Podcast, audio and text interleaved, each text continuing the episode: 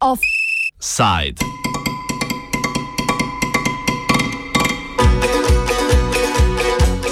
Orati ledino polskih sodišč.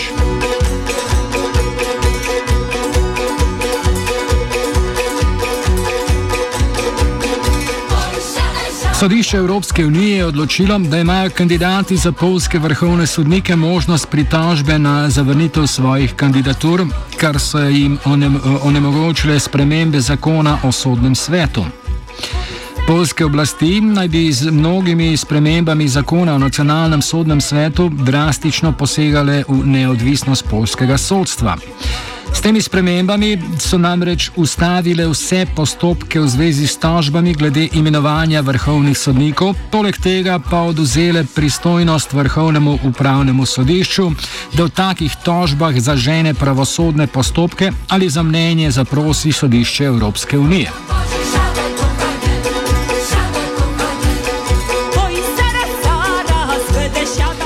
Spremembe omenjenega zakona segajo v leto 2018, ko je Polski nacionalni sodni svet odločil, da predsedniku republike ne predloži predlogov kandidatur sodnikov, temveč da bo kandidate predložil sam. Zavrnjeni kandidati so se na to pritožili na upravno vrhovno sodišče, to pa jih je napotilo na sodišče Evropske unije. Poljska vlada je leto kasneje zopet spremenila zakon, te spremembe pa so popolnoma eh, onemogočile ulaganje tožb z oprsodni svet in oduzele pristojnost upravnemu vrhovnemu sodišču, da se glede takih tožb obrne na sodišče Evropske unije. Bruselj je proti Polski že leta 2017 sprožil postopek po sedmem členu pogodbe Evropske unije o vladnih posegih v neodvisno sodstvo, denimo o prisilnem upokojevanju vrhovnih sodnikov in spornem disciplinskem senatu za sodnike, pa je sodišče Evropske unije že odločilo in razsodilo, da je sprememba zakonodaje v nasprotju s temeljnimi demokratičnimi vrednotami, posebej z načelom neodvisnosti sodstva. Odločitvi sodišča Evropske unije so po pričakovanjih sledili nasprotovanja iz vrst največje vladne stranke Zakon in pravičnost.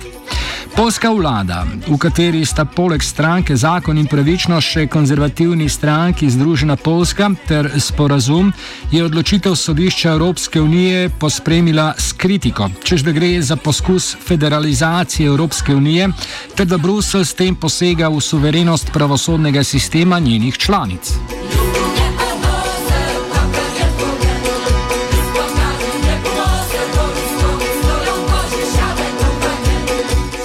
Odločitev sodišča Evropske unije vladajoči stranki zakon in pravičnost omejuje možnosti posredovanja pri imenovanju vrhovnih sodnikov, razloži profesor politologije in sodobnih evropskih študij Alex Ščerbijak z Univerze v Sussexu. Well, it's quite a complicated legal judgment, um, but as you say, uh, the, the key element of it is that um, judges who were um, appointed or, or, not appointed um, by a body called the National Judicial Council um, can appeal that decision in the Polish courts. The National Judicial Council is, is a really important body. It's, it's the body that appoints judges and oversees the um, legal system, the judicial system in Poland. And um, the, uh, it was absolutely critical to Law and Justice's reform um, to uh, change the composition of the, the National Judicial Council because obviously affects the whole judicial system.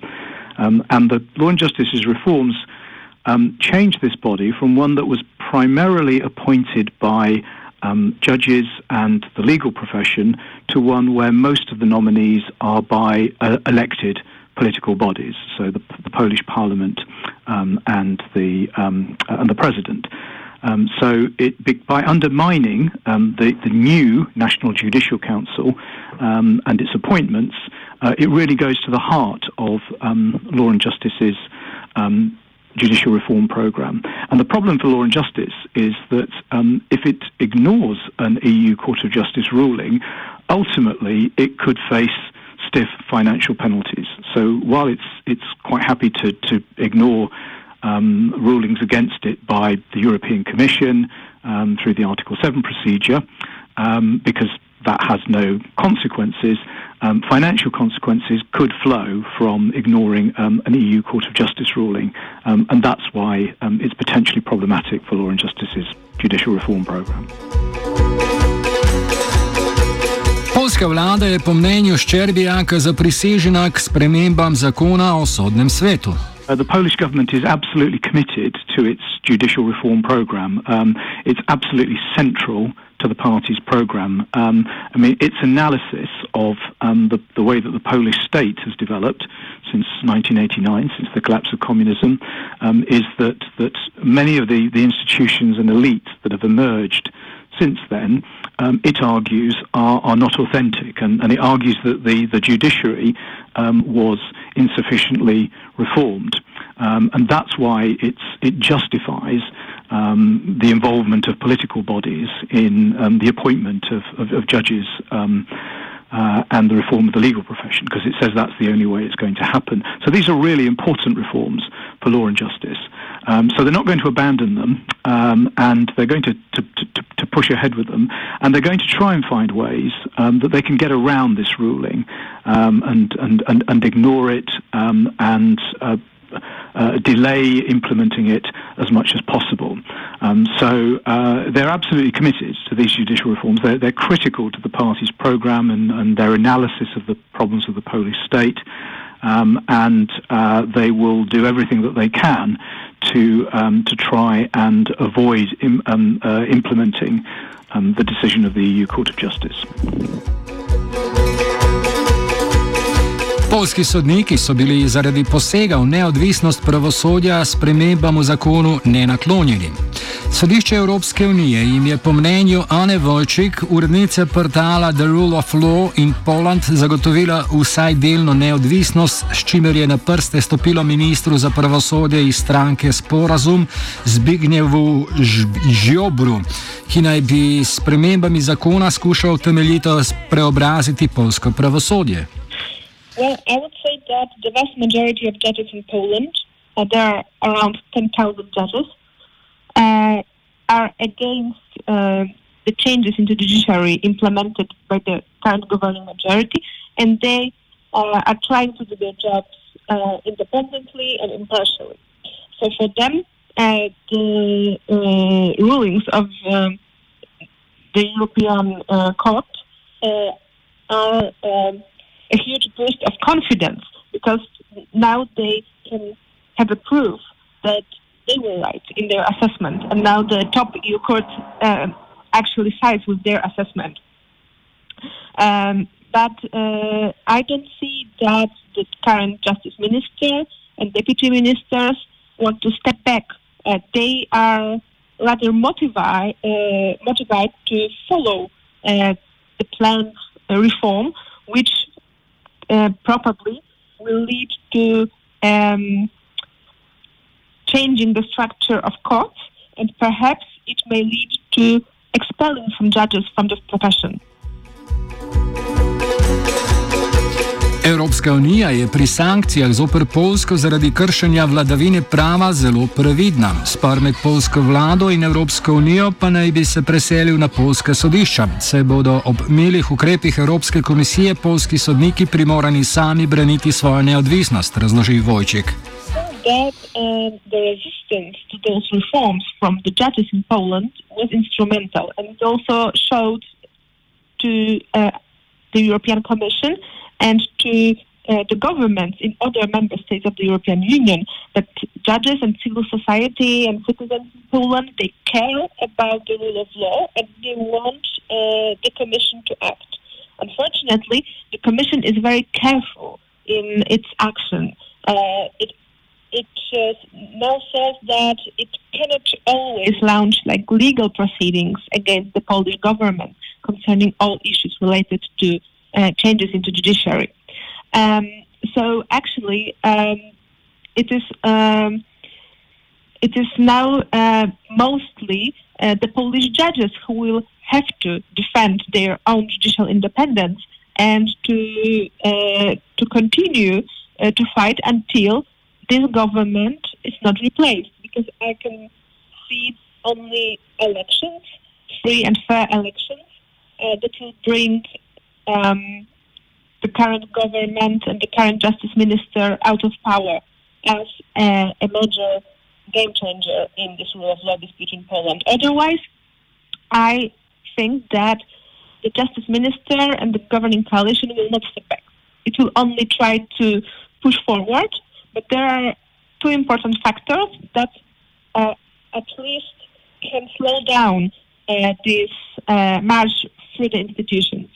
So the first factor is COVID pandemic, and the second one is uh, the involvement of the European Commission and European institutions, but also governments um, from other EU member states.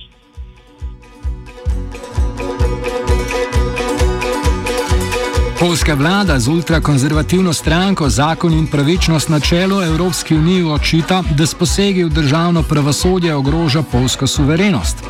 Vrh polske politike zaradi sankcij na podlagi kršenja vladavine prava že od nastopa mandata vodi izrazito euroskeptično politiko.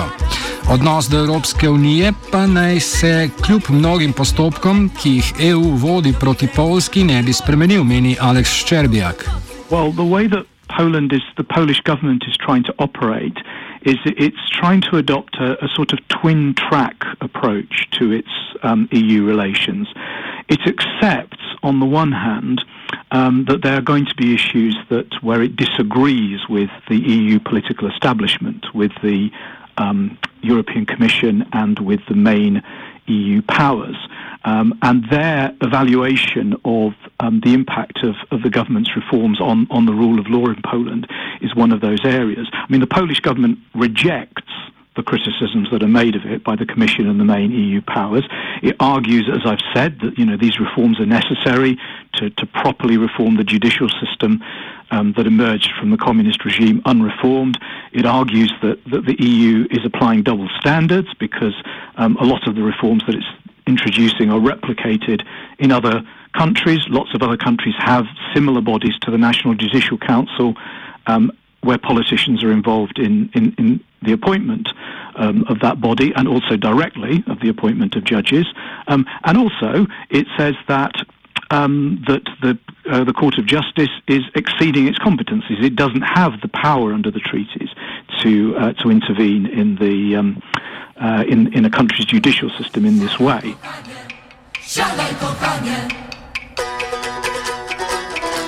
Poljska se sicer predstavlja kot konstruktivna članica Evropske unije. Poljska vlada pa naj bi se skušala od problematike vladavine prava oddaljiti in odvrniti pozornost od ideoloških tem, ki bi zaostrile odnose z unijo. The, the Commission, the um, main EU powers, the EU political establishment doesn't agree with this analysis, that it agrees with the arguments of the government's critics and the opposition in Poland, and that their actions do undermine the rule of law.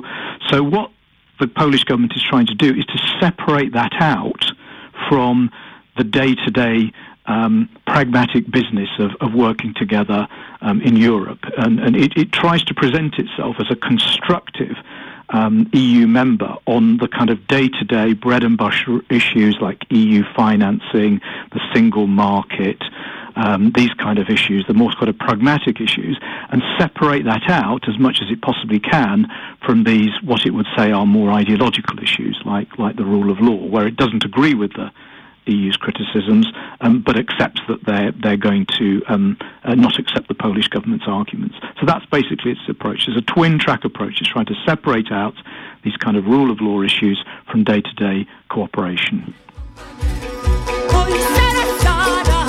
Decembra lani je Evropska unija zagrozila z razporejanjem sredstev za po okrevanju po epidemiji glede na upoštevanje vladavine prava.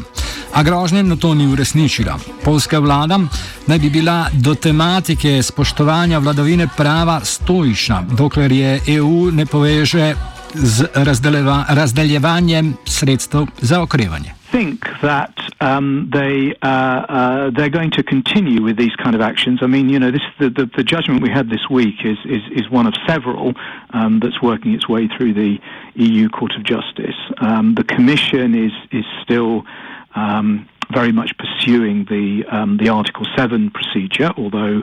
Uh, against the Polish government, although there's not going to be a majority in the Council of Ministers for that. Um, so that's going to be stuck in limbo. I think the, the real one to watch is what happens to the, um, the attempts that have been made to try and link EU budget payments to um, rule of law adherence. This is something that the Polish government has been really keen to try and block um, because, as I said, its strategy depends on separating those two things out, separating out disagreements over rule of law issues with things like um, uh, EU regional aid, EU fiscal transfers. And the budget agreement that, that emerged in December holds out the possibility of those two things being linked together.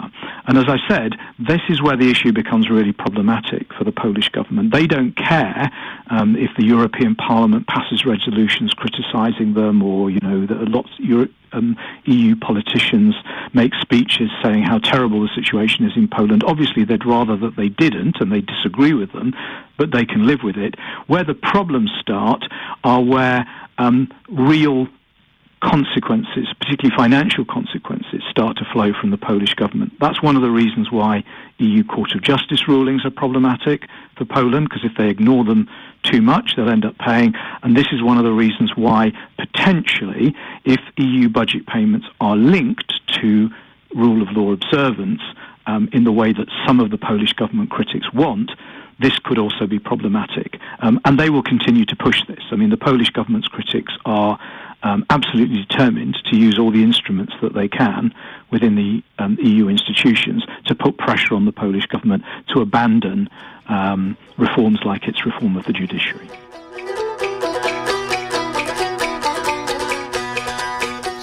Odnosi med Polsko in Evropsko unijo bodo torej ostali na majavih tleh. Polska vlada pa naj bi kljub opozorilom Evropske unije vsaj do volitev leta 2023 poskušala temeljito preorati pravosodni sistem.